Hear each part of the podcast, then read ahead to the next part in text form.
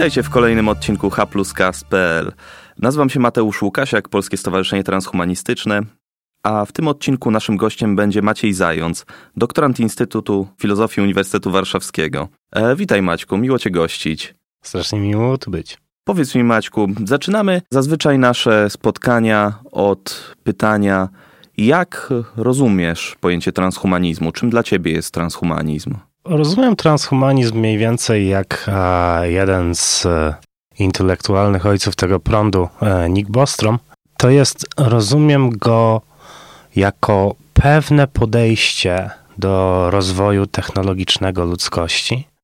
Pragmatyczne, ale w pewien sposób optymistyczne, zakładające, że powinniśmy zrobić wszystko, co w naszej mocy, żeby za pomocą narzędzi, które udostępnia nam ten rozwój naukowo-technologiczny, poprawić bazową kondycję ludzkości jako takiej, poprawić charakter doświadczenia ludzkiego, które, jak wiadomo, doświadczenia ludzkiego, być może nie tylko ludzkiego, zwierzęcego na przykład, e, jak wiemy, byt człowieka był od wieków obciążony takimi plagami jak choroba, jak cierpienie, jak wojna, jak głód. Te wszystkie rzeczy technologii, te wszystkie rzeczy i jeszcze szereg innych, że tak powiem, wrogów naszego dobrobytu i szczęśliwości, technologia pozwala nam powoli eliminować ze swojego życia, a także pozwala nam osiągać możliwości, zdolności, które dotychczas były nam niedostępne. Prosty przykład w paleolicie nie mogliśmy myśleć nawet o robieniu nowoczesnej muzyki rockowej. Dziś jesteśmy w stanie tworzyć muzykę w całym ogromnym i pięknym spektrum jej gatunków, i wyobraźmy sobie tylko muzykę, która byłaby możliwa, gdyby człowiek posiadał na przykład poszerzone spektrum słuchu i mógł słyszeć niektóre ultra i infradźwięki. Wyobraźmy sobie, o ile jeszcze bogatsza byłaby gama tego, co możemy w muzyce zrobić. Do tego mniej więcej dąży transhumanizm jako kierunek pozytywny. Do ciągłego poszerzania tego spektrum przyjemnych i wartościowych doświadczeń w życiu człowieka. Jasne. Powiedz mi w takim razie, w jaki, może zacznijmy od tego, czym się zajmujesz w swojej pracy naukowej i w jaki sposób to, czym się zajmujesz, łączy się dla ciebie z ideą transhumanizmu? Zajmuję się w swojej pracy naukowej dwoma podstawowymi nurtami etyki stosowanej. Etyka stosowana to jest taka gałąź etyki, czy szerzej filozofii, która nie wychodzi od zastanawiania się nad abstrakcyjnymi problemami, tylko bierze jak najbardziej współczesne, jak najbardziej donośne problemy, z którymi musimy się borykać w naszym codziennym życiu i próbuje je rozwiązać, używając do tego narzędzi racjonalnego namysłu i rozmaitych narzędzi filozoficznych, które wypracowaliśmy przez wieki. Nie tylko zresztą filozoficznych, a żeby dobrze robić etykę stosowaną, trzeba być w kontakcie z dyscyplinami takimi jak prawo, z relevantnymi naukami ścisłymi. Ja w etyce stosowanej zajmuję się przede wszystkim etyką e, technologii, a także etyką relacji międzynarodowych i konfliktów zbrojnych. Te dwie rzeczy i działam najbardziej na pograniczu tych dwóch e, dyscyplin, ponieważ najbardziej zajmuję się i o tym też piszę swój artykuł o roli nowych technologii wojskowych i o tym, jak e, ich rozwój kształtuje i może kształtować relacje międzynarodowe i charakter, który przyjmują konflikty zbrojne w XXI wieku, a także jeszcze dalej. No właśnie, bo o nowych technologiach, e, szczególnie w kontekście wojennym, będziemy dzisiaj rozmawiać. W ciągu ostatnich lat bardzo nośnym tematem są tak zwane drony. Jednak w świadomości masowej wydaje mi się, że może pojawiać się pewien rozdźwięk pomiędzy tym, czym w rzeczywistości wojennej może być dron, a tym, czym są drony w świadomości społecznej.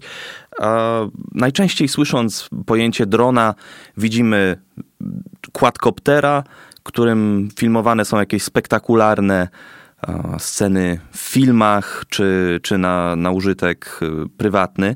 Powiedz mi, Czym w ogóle jest dron? Więc e, jako drona zdefiniujemy każdą e, maszynę zdolną poruszać się w dwuwymiarowej lub trójwymiarowej przestrzeni. Na potrzeby tej dyskusji nie musi to być obiekt latający. Może to być na przykład pojazd gąsienicowy e, poruszający się tylko i wyłącznie po powierzchni Ziemi, która jest zdalnie sterowana przez ludzkiego operatora i która wykonuje dowolne zadania cywilne bądź wojskowe. Może służyć przede wszystkim rozpoznaniu, na przykład filmując równe rzeczy i tutaj e, taki dron, którego używamy do filmowania wesel czy e, scen w serialach równie dobrze przydać się nam na, po pewnych modyfikacjach na polu walki. Może robić oczywiście bardziej skomplikowane rzeczy, tak bym to zdefiniował, a zatem jest to bardzo, bardzo szeroka mhm. klasa artefaktów technologicznych, o której mówimy. Jasne. Powiedz mi, czy na przykład też y, autonomiczne wieżyczki zaliczyłbyś do dronów, czy już odciął to od tego?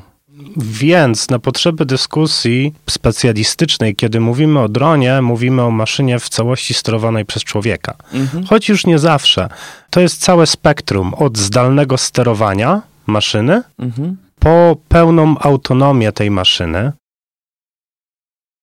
większość używanych dzisiaj, także w kontekście cywilnym przez profesjonalistów bądź hobbystów dronów, jest w jakimś sensie półautonomiczna. To znaczy, jeśli na przykład dron, którego znowu używamy do filmowania wesela, traci kontakt ze swoim operatorem, to zazwyczaj ma już jakiś prosty program, który pozwala mu powrócić na miejsce, z którego został wypuszczony, albo przynajmniej bezpiecznie wylądować.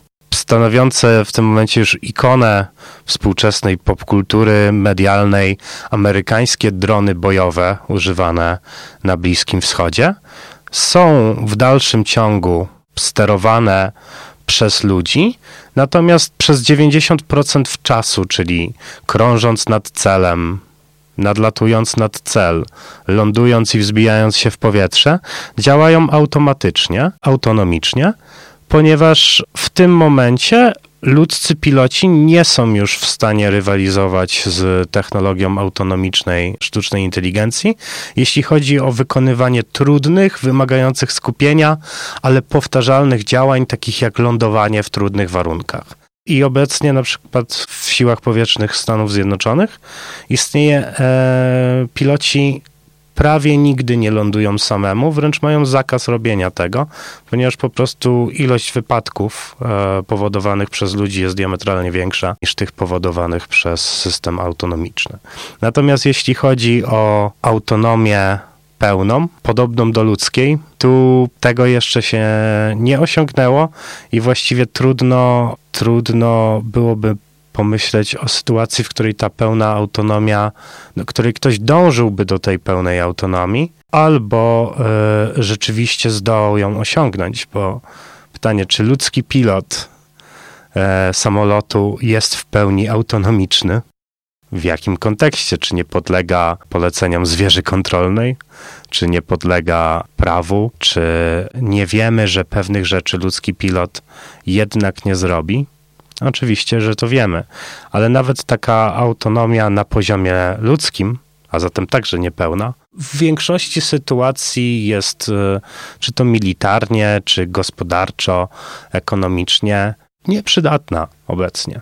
E, bardziej zmierza się w stronę tej półautonomii, wykonywania pewnych rutynowych zadań autonomicznie, natomiast e, bycia poddanym ludzkiej kontroli w momencie, kiedy dzieje się coś naprawdę ważnego. No i wydaje się, że prawnie jest to też y, bardzo rozsądne, ponieważ zawsze ostatecznie decyzję podejmuje człowiek, y, na którym to spoczywa odpowiedzialność za te decyzje, prawda? Dokładnie. Ja e, chciałbym się jeszcze może troszeczkę cofnąć historycznie, bo obecna panika moralna związana z wchodzeniem technologii AI w różnego rodzaju e, rejony ludzkiego życia ale przede wszystkim jednak w rejon działań wojskowych, tak naprawdę ma swoje korzenie już w panice moralnej związanej z użyciem czy to pocisków samosterujących, czy kamer e, na dużą skalę, jeszcze w czasach wojny w Zatoce.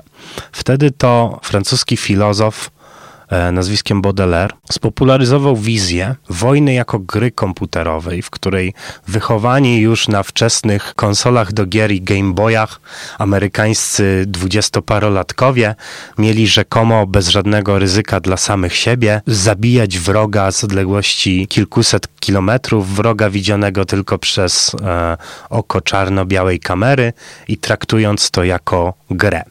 Oczywiście rzeczywistość wojny w Zatoce nie miała nic wspólnego z takim obrazem.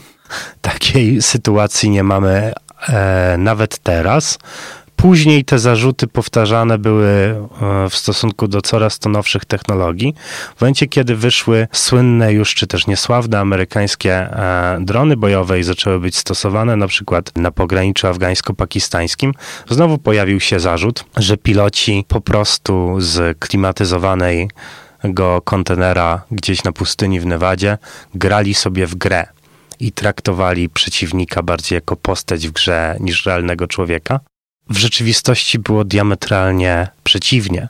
W przeciwieństwie do znajdującego się e, w strefie działań wojennych żołnierza, który nie ma prawie żadnego czasu na namysł, podlega silnym emocjom, stresowi, e, walczy o swoje życie.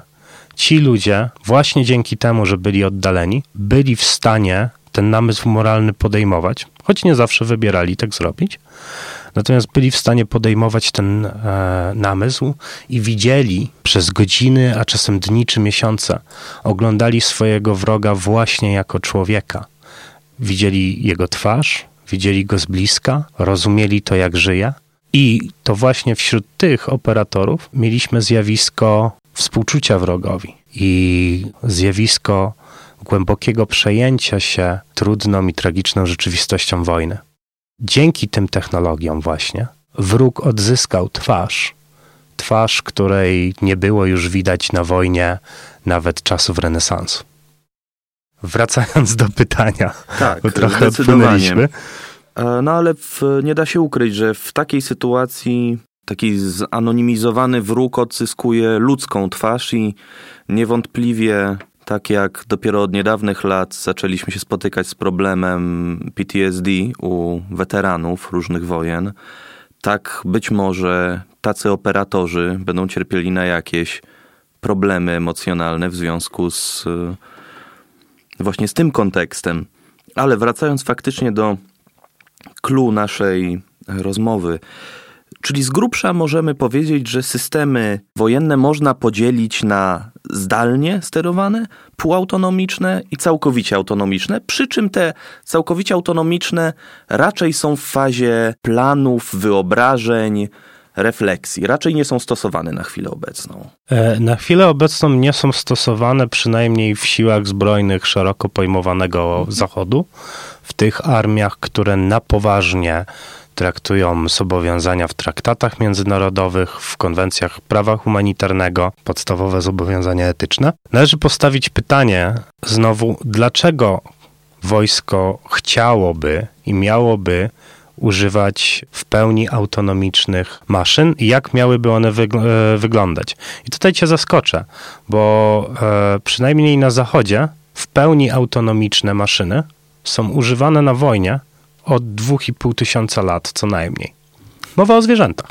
Mhm. Zwierzę jest w pełni autonomiczną jednostką, na przykład używany na wojnie, czy to do wykrywania materiałów wybuchowych, czy to do śledzenia e, podejrzanych pies.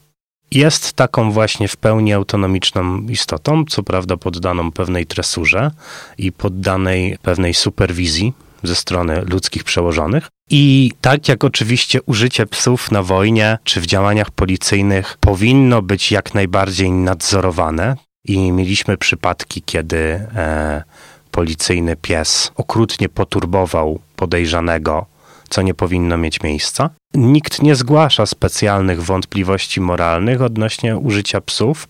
Jeśli są zgłaszane, to ze względu na to, że to psu może dziać się krzywda. Nie dlatego, że uważamy, że nad istotą taką jak pies, czy delfin, czy koń nie możemy mieć w trakcie działań wojennych kontroli.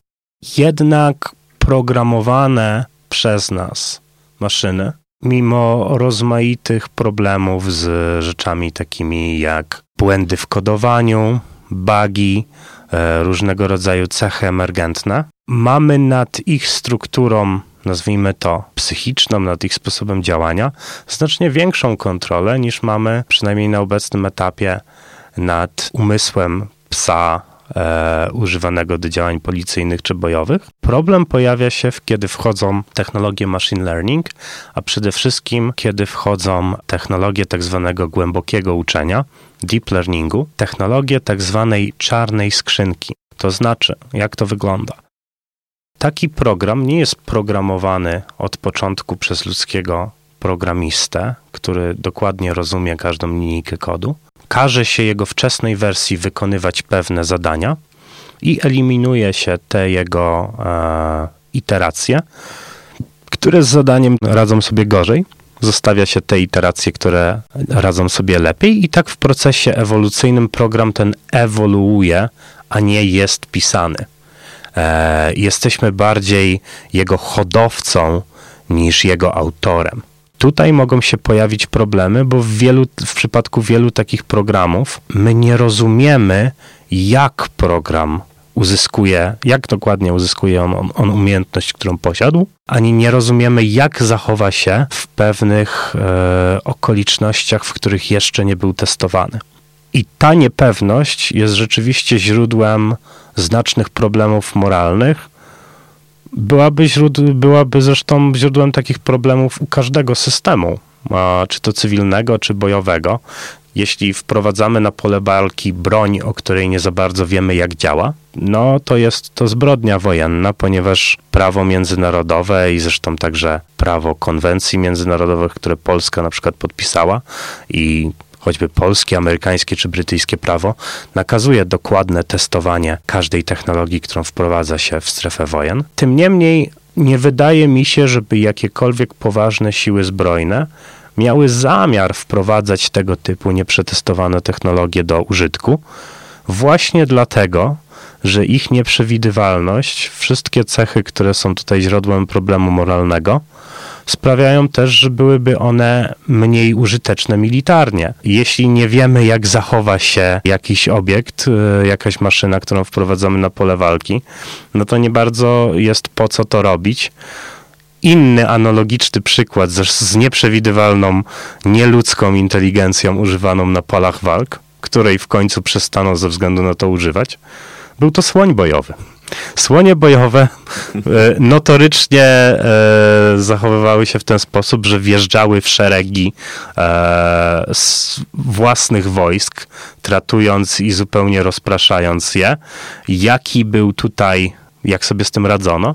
Otóż na karku każdego słonia bojowego siedział dżentelmen wyposażony w młotek i dłuto, który w momencie, kiedy słoń zaczął skręcać w nie tą stronę, albo kiedy, czy można być kierowcą słonia, chyba raczej e, jeździec, wodziciel słonia tracił nad nim kontrolę, e, natychmiast zabijał zwierzę uderzeniem w jego rdzeń przedłużony.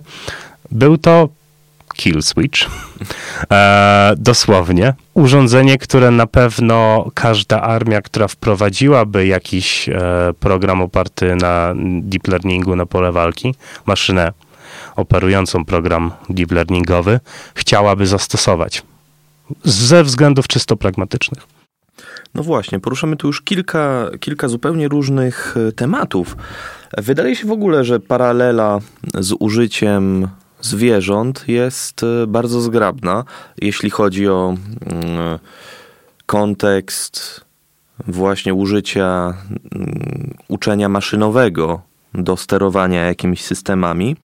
Może zacznijmy od e, aspektów prawnych, o których wspomniałeś. Są e, różne, są na pewno takie wojskowe ustalenia podobne do deklaracji helsińskiej, jeśli chodzi o kwestie badań medycznych? Czy są jakieś analogiczne ustalenia międzynarodowe, na przykład ONZ czy, czy innych podobnych? Oczywiście. Ciał? Te ustalenia istnieją i to istnieją już od ponad 100 lat, tak? Konwencja haska została podpisana w 1907 roku. Konwencja genewska e, została podpisana także na początku XX e, wieku, wielokrotnie poszerzana o nowe, e, o nowe ustalenia. Generalnie cała, cały ten zbiór prawodawstwa nosi nazwę Międzynarodowego Prawa Wojennego i to są niezwykle dokładne zasady opisujące generalnie zachowanie się armii na wojnie można streścić je jako zbiór czterech podstawowych wartości. Te wartości to proporcjonalność działania, tak? Wojska nie mogą po prostu niszczyć rzeczy. Każde działanie niszczące, każde użycie śmiercionośnej czy burzącej siły musi mieć swoje dobre uzasadnienie. Te działania muszą być konieczne, co także się sprowadza do proporcjonalności. Te działania muszą mieć charakter humanitarny, to jest unika się bezsensownego okrucieństwa, sprawiania bólu, który nie niesie ze sobą jakichś korzyści militarnych. Dobrym przykładem e, złamania tej zasady i tego, jak nie miało to sensu nie tylko będąc głęboko niemoralne, ale też nie miało to sensu strategicznego. E, były alianckie ataki na niemieckie miasta za pomocą amunicji zapalającej w czasie II wojny światowej. E, dzisiaj eksperci, którzy przyjrzeli się dokładnie historii wojny lotniczej, twierdzą, że gdyby alianci skupili się bardziej na celach stricte militarnych, takich jak na przykład rafineria ropy i całym e, szlaku logistycznym, dzięki którym niemiecka machina wojenna otrzymywała właśnie paliwo, zamiast uderzać na niemieckie miasta, żeby wywołać panikę, to II wojna światowa skończyłaby się pół roku wcześniej. Jeszcze bardziej zdecydowanym zwycięstwem aliantów. Co sprowadza nas do czwartej zasady, zasady rozróżnienia na walczących i na cywili, na osoby wyłączone z walki. I każdemu systemowi, te konwencje, o których mówię, to są podstawowe konwencje, istnieje jeszcze bardzo duża liczba specyficznych dokumentów prawnych, na przykład międzynarodowa i ta nazwa tak właśnie brzmi, to nie jest e, jakiś e, mój lapsus tutaj. Konwencja dotyczy, e, o zakazie użycia niektórych broni konwencjonalnych. A śmieszna nazwa w języku angielskim, równie powtarzalna, ale niesamowicie ważny dokument regulujący użycie całego szeregu różnych rodzajów broni. I każda nowa maszyna wojenna musi spełnić bardzo wyśrubowane kryteria związane z ustaleniami i założeniami tych konwencji, które, których sygnatariuszami są wszystkie najważniejsze potęgi militarne świata. Teraz dyskurs, dyskusja na temat broni półautonomicznej, e, zdalnie sterowanej, w dłuższej perspektywie autonomicznej, toczy się wokół pytania, czy te regulacje wystarczą, żeby, czy stosowanie się ścisłe do tych już istniejących regulacji wystarczy, żeby broń przyszłości e, pozostała pod kontrolą człowieka i polepszyła moralny charakter wojny zamiast go pogarszać, czy też powinniśmy stworzyć jakąś jeszcze nową konwencję, jakiś jeszcze kolejny traktat y, dotyczący tego właśnie typu broni. O tym można by dużo opowiadać, ale to jest chyba treść Twojego następnego pytania. Znaczy, niewątpli niewątpliwie temat jest y, bardzo złożony, e, jednakże chciałem jeszcze wrócić na chwilę do kwestii historii, ponieważ ty wspomniałeś co prawda o o zwierzęta, o wykorzystaniu zwierzęcia na polu walki, ale już nawet w takim rozumieniu bardzo dzisiejszym. Autonomiczna wojna czy wykorzystanie autonomicznych systemów już jest historią ostatnich kilkudziesięciu lat tak naprawdę. Mam tutaj na myśli właśnie rakiety, bodaj Patriot, jak również systemy defensywne, na przykład e, wykorzystywane w marynarce. Czy mógłbyś coś powiedzieć właśnie o tym, jak długo już z takimi systemami działamy, na czym, jakie są ich zastosowania? Tak, więc e, systemy autonomiczne, samosterujące, nawet systemy same wybierające swoje cele są stosowane już od lat 80. Przede wszystkim w obronie przeciwrakietowej, w obronie przeciwlotniczej, w marynarce, to jest w środowiskach, gdzie mamy praktycznie całkowitą pewność, że cele cywilne nie pojawią się. I wspomniałeś o rakietach Patriot, które posiada także Polska. Tak? Rakiety Patriot akurat tutaj cele selekcjonuje jeszcze ludzki operator, ale już na przykład system Phalanx i różne jego iteracje, zamontowany na każdym dużym okręcie amerykańskiej marynarki, wybiera cele samodzielnie, ponieważ jest to system mający zwalczać rakiety poruszające się z tak dużymi prędkościami, to jest często kilka razy prędkość dźwięku, że ludzki operator nie miałby szansy nawet zareagować. I w tego typu środowiskach, gdzie z jednej strony żaden obiekt cywilny nie będzie zbliżał się do statku z prędkością kilku prędkości dźwięku, natomiast e, prędkość reakcji jest e, e, najważniejsza, tu rzeczywiście używa się tak, zwanej, tak zwanych systemów autonomicznych i amunicji inteligentnej, która jest sama w stanie e, dobierać cele. Podobnie ma, ma się rzecz z niektórymi e, rodzajami uzbrojenia ofensywnego. Na przykład pociski przeciwczołgowe wystrzeliwane nad e, kolumną czołgów przeciwnika, które zobaczywszy dzięki swoim sensorom, które czołgi zostały już zniszczone, a które tylko nie, same wybiorą najważniejszy z grupy celów Tutaj od razu widzimy, że nie mamy do czynienia z jakąś bronią, która jest wypuszczona nad pewien rejon geograficzny i robi co chce. Mamy do czynienia z bronią, która znajduje bardzo specyficzne cele i razi tylko te cele. Jesteśmy też w stanie obecnie e, sprawiać, że e, broń ta przy braku obecności takiego celu po prostu nie wybuchnie i sama zdezaktywuje się w ciągu jakiegoś okresu czasu.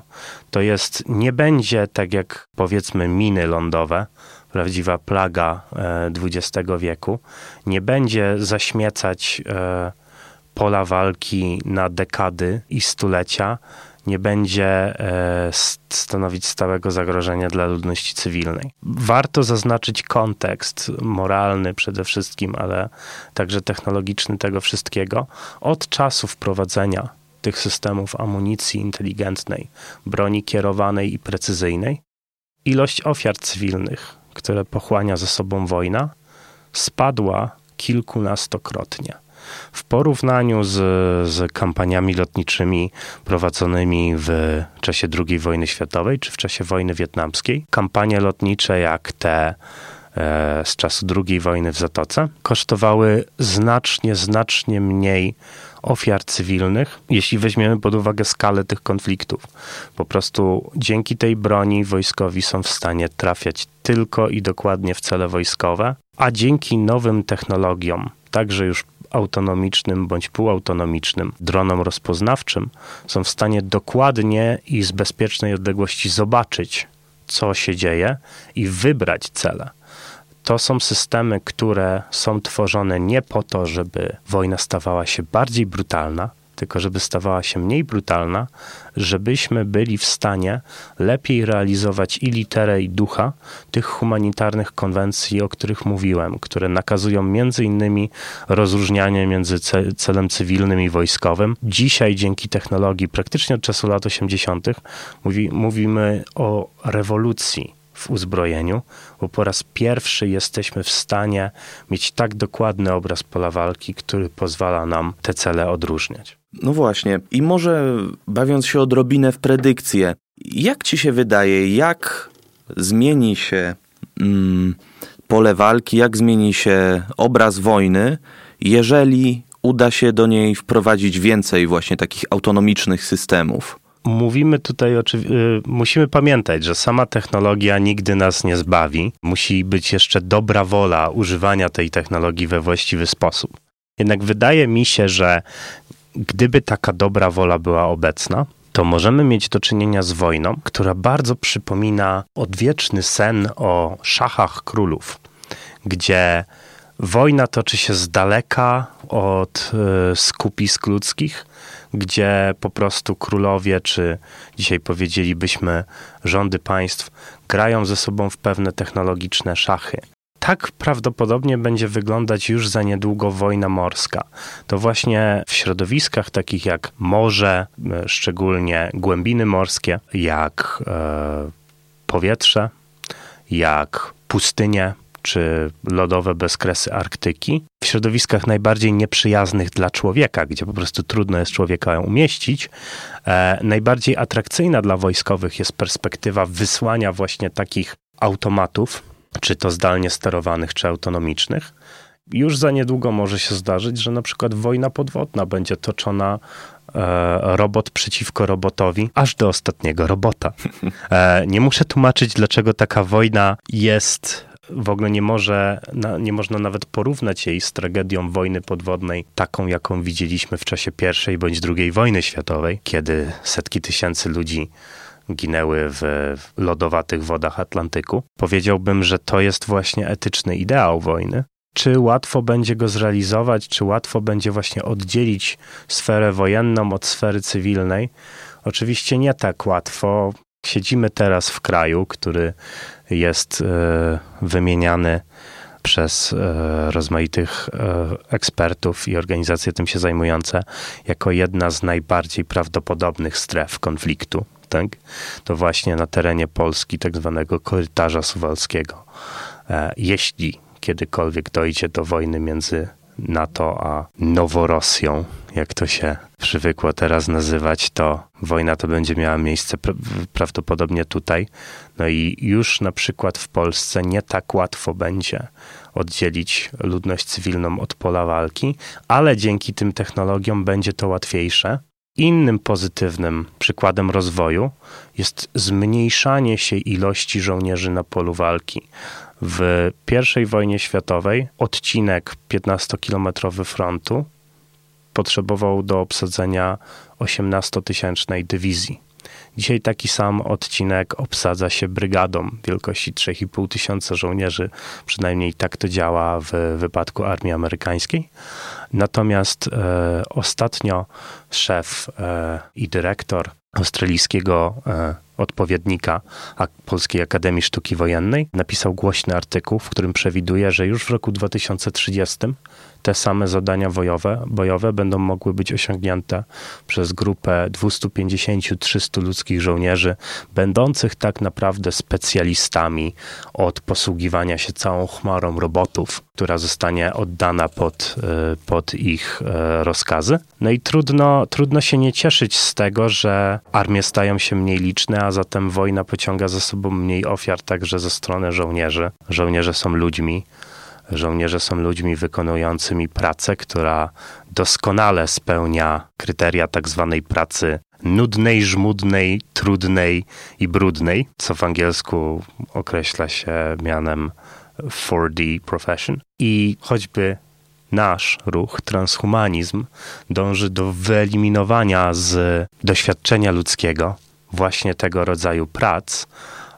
Myślę, że nikt poważny nie twierdzi, że doświadczenie traumy wojny okopowej e, jest potrzebne komuś do życia pełną piersią, do realizacji humanistycznego ideału dobrego życia. I myślę, że właśnie automatyzacja wojny, jeśli robiona z poszanowaniem reguł humanitarnych, e, do których już dawno zobowiązaliśmy się jako ludzkość w pewnych konwencjach, może być ogromną szansą na wyeliminowanie właśnie z doświadczenia ludzkiego, zarówno e, z doświadczenia cywili, jak i z doświadczenia e, żołnierzy, szczególnego e, rodzaju cierpienia związanego właśnie z wojną. Mhm.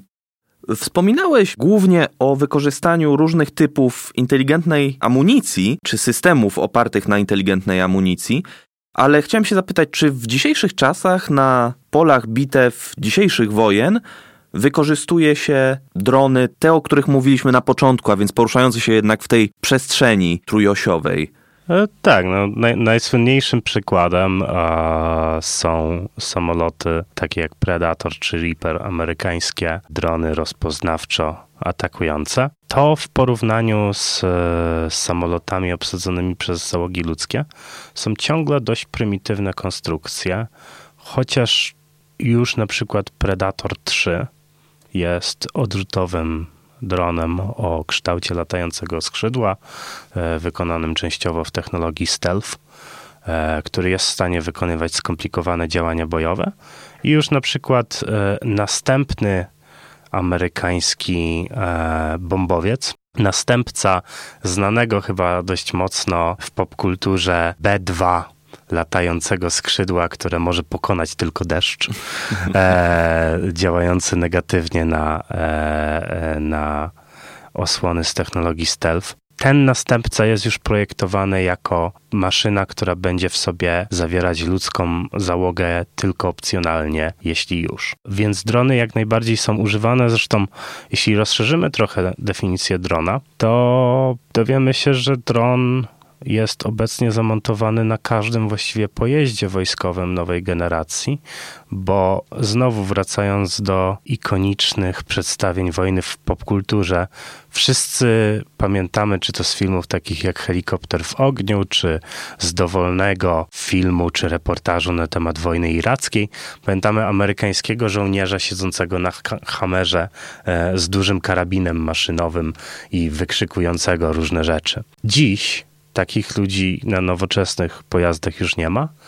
Człowiek taki siedzi w środku z, z joystickiem i za pomocą komputera steruje bardzo drogą, bardzo skomplikowaną wieżyczką, która prowadzi ogień z precyzją lepszą niż jakikolwiek e, ludzki e, operator. byłby to w stanie zrobić. Ta precyzja jest niemożliwa, ona pozwala, e, pozwala na na zupełnie inny sposób prowadzenia walki, a nauczyć się sterować taką wieżyczką potrafiłby każdy średnio rozgarnięty człowiek w ciągu kilku godzin. A więc ta technologia zdalnego sterowania wchodzi coraz bardziej na pola bitew, czasem jako zastosowanie bezpośrednio e, zdalnie sterowanej maszyny, czasem jako zastosowanie elementów zdalnie sterowanych. Natomiast ma ona swoje ograniczenia, bo często pada pytanie, dlaczego nie zatrzymać się na technologii zdalnie e, sterowanej? Po co nam ta autonomia?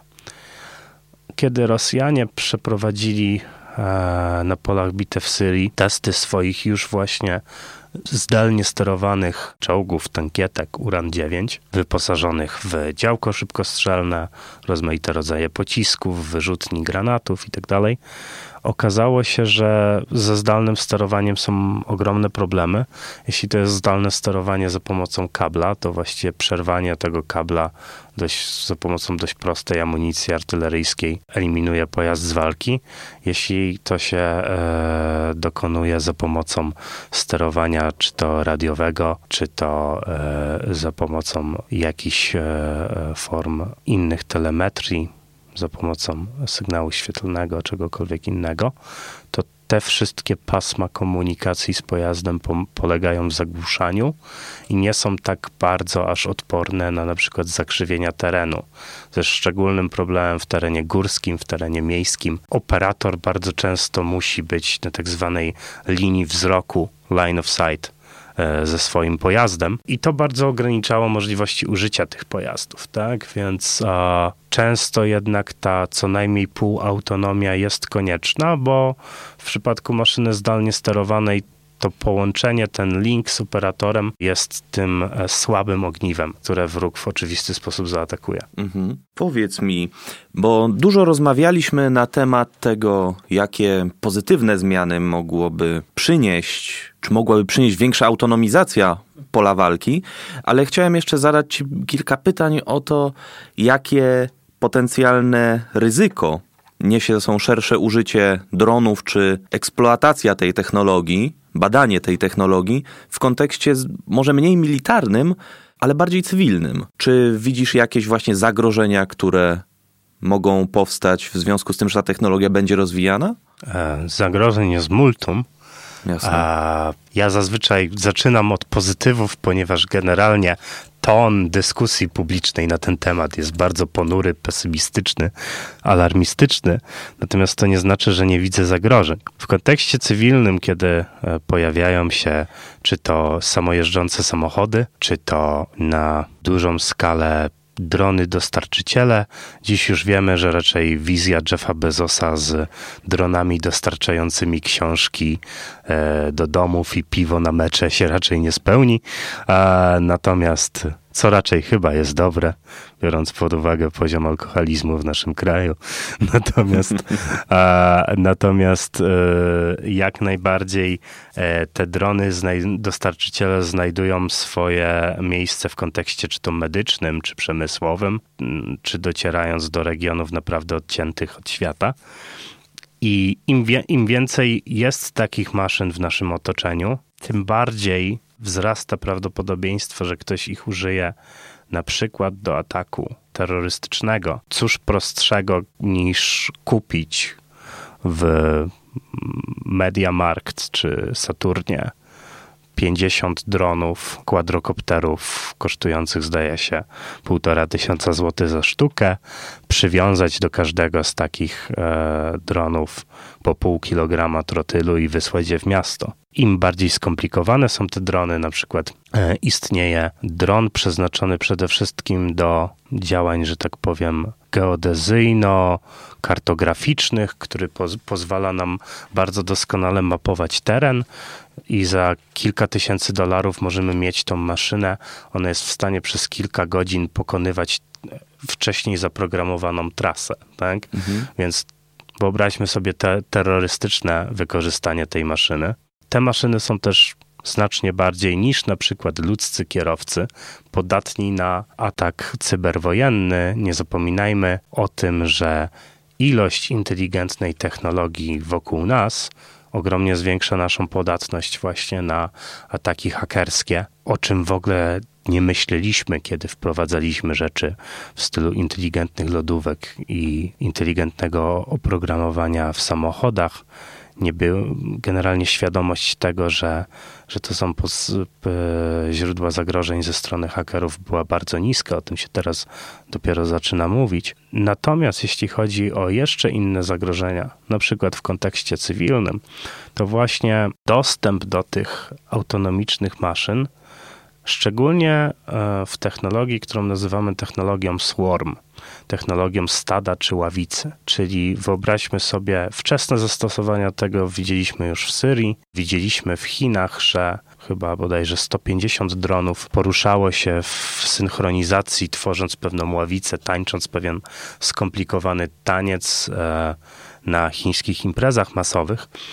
Tego typu stado wysłane, żeby niszczyć na przykład infrastrukturę przemysłową. Mogłoby być straszliwe skutki.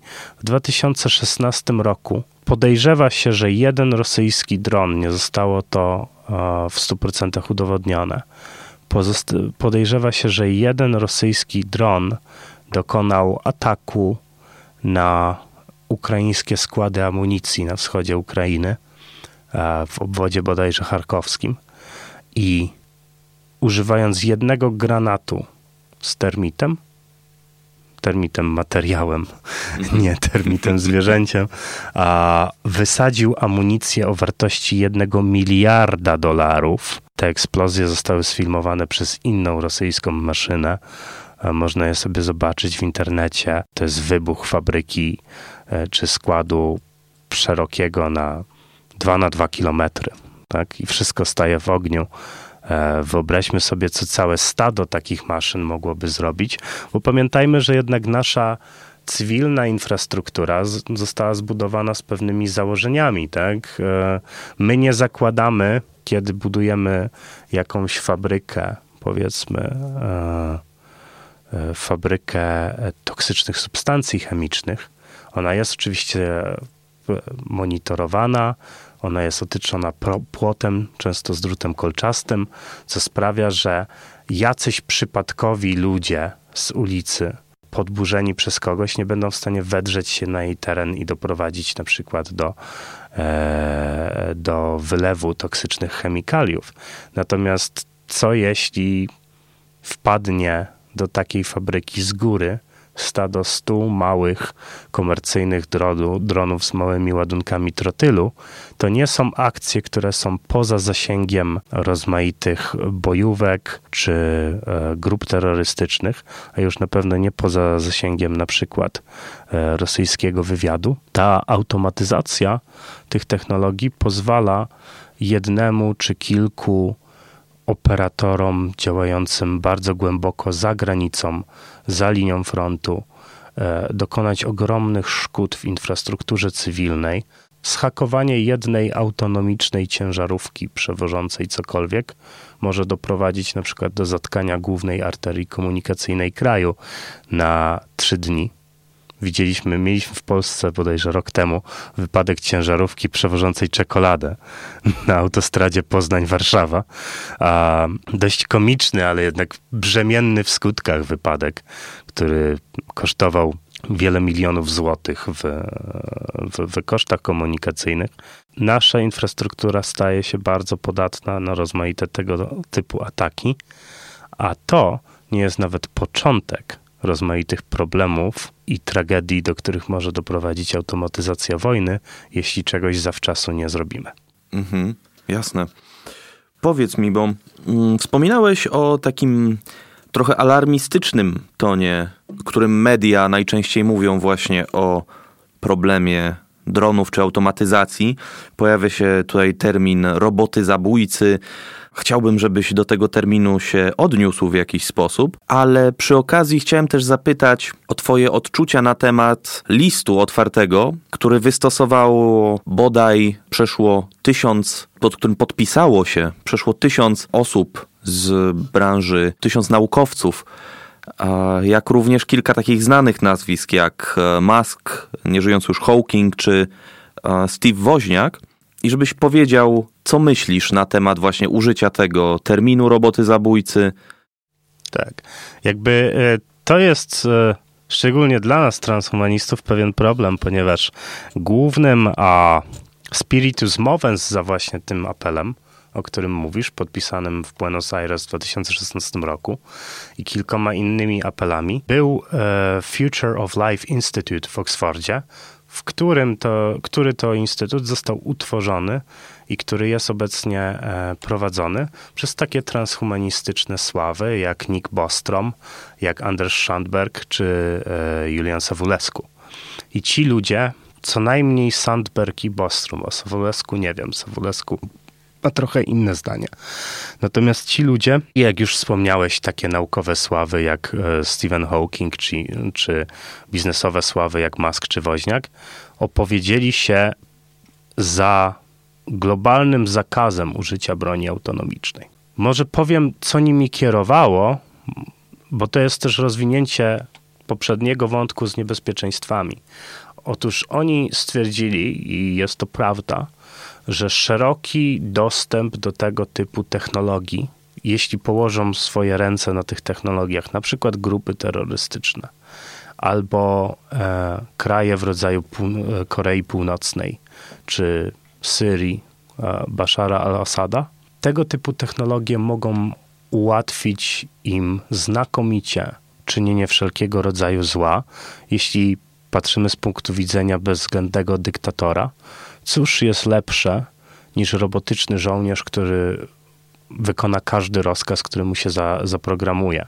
Widzieliśmy w czasie arabskiej wiosny, że największym problemem dyktatorów, którzy chcieli się utrzymać przy władzy, było to, że w pewnym momencie ich wojska zaczęły, przynajmniej w części, przechodzić na stronę opozycji. To by się nie stało, gdyby ich armie były robotyczne. Czy to świadczy o tym, że technologia autonomiczna jest zła i nie powinna być nigdy używana? To świadczy o tym, że ci ludzie są źli i nie powinni używać tej technologii, nie powinni mieć broni robotycznej, tak jak nie powinni mieć czołgów, nie powinni mieć samolotów bojowych obsadzonych przez ludzi, nie powinni mieć żadnej broni. Są to zbrodniarze wojenni, którzy powinni siedzieć w więzieniu w Hadze.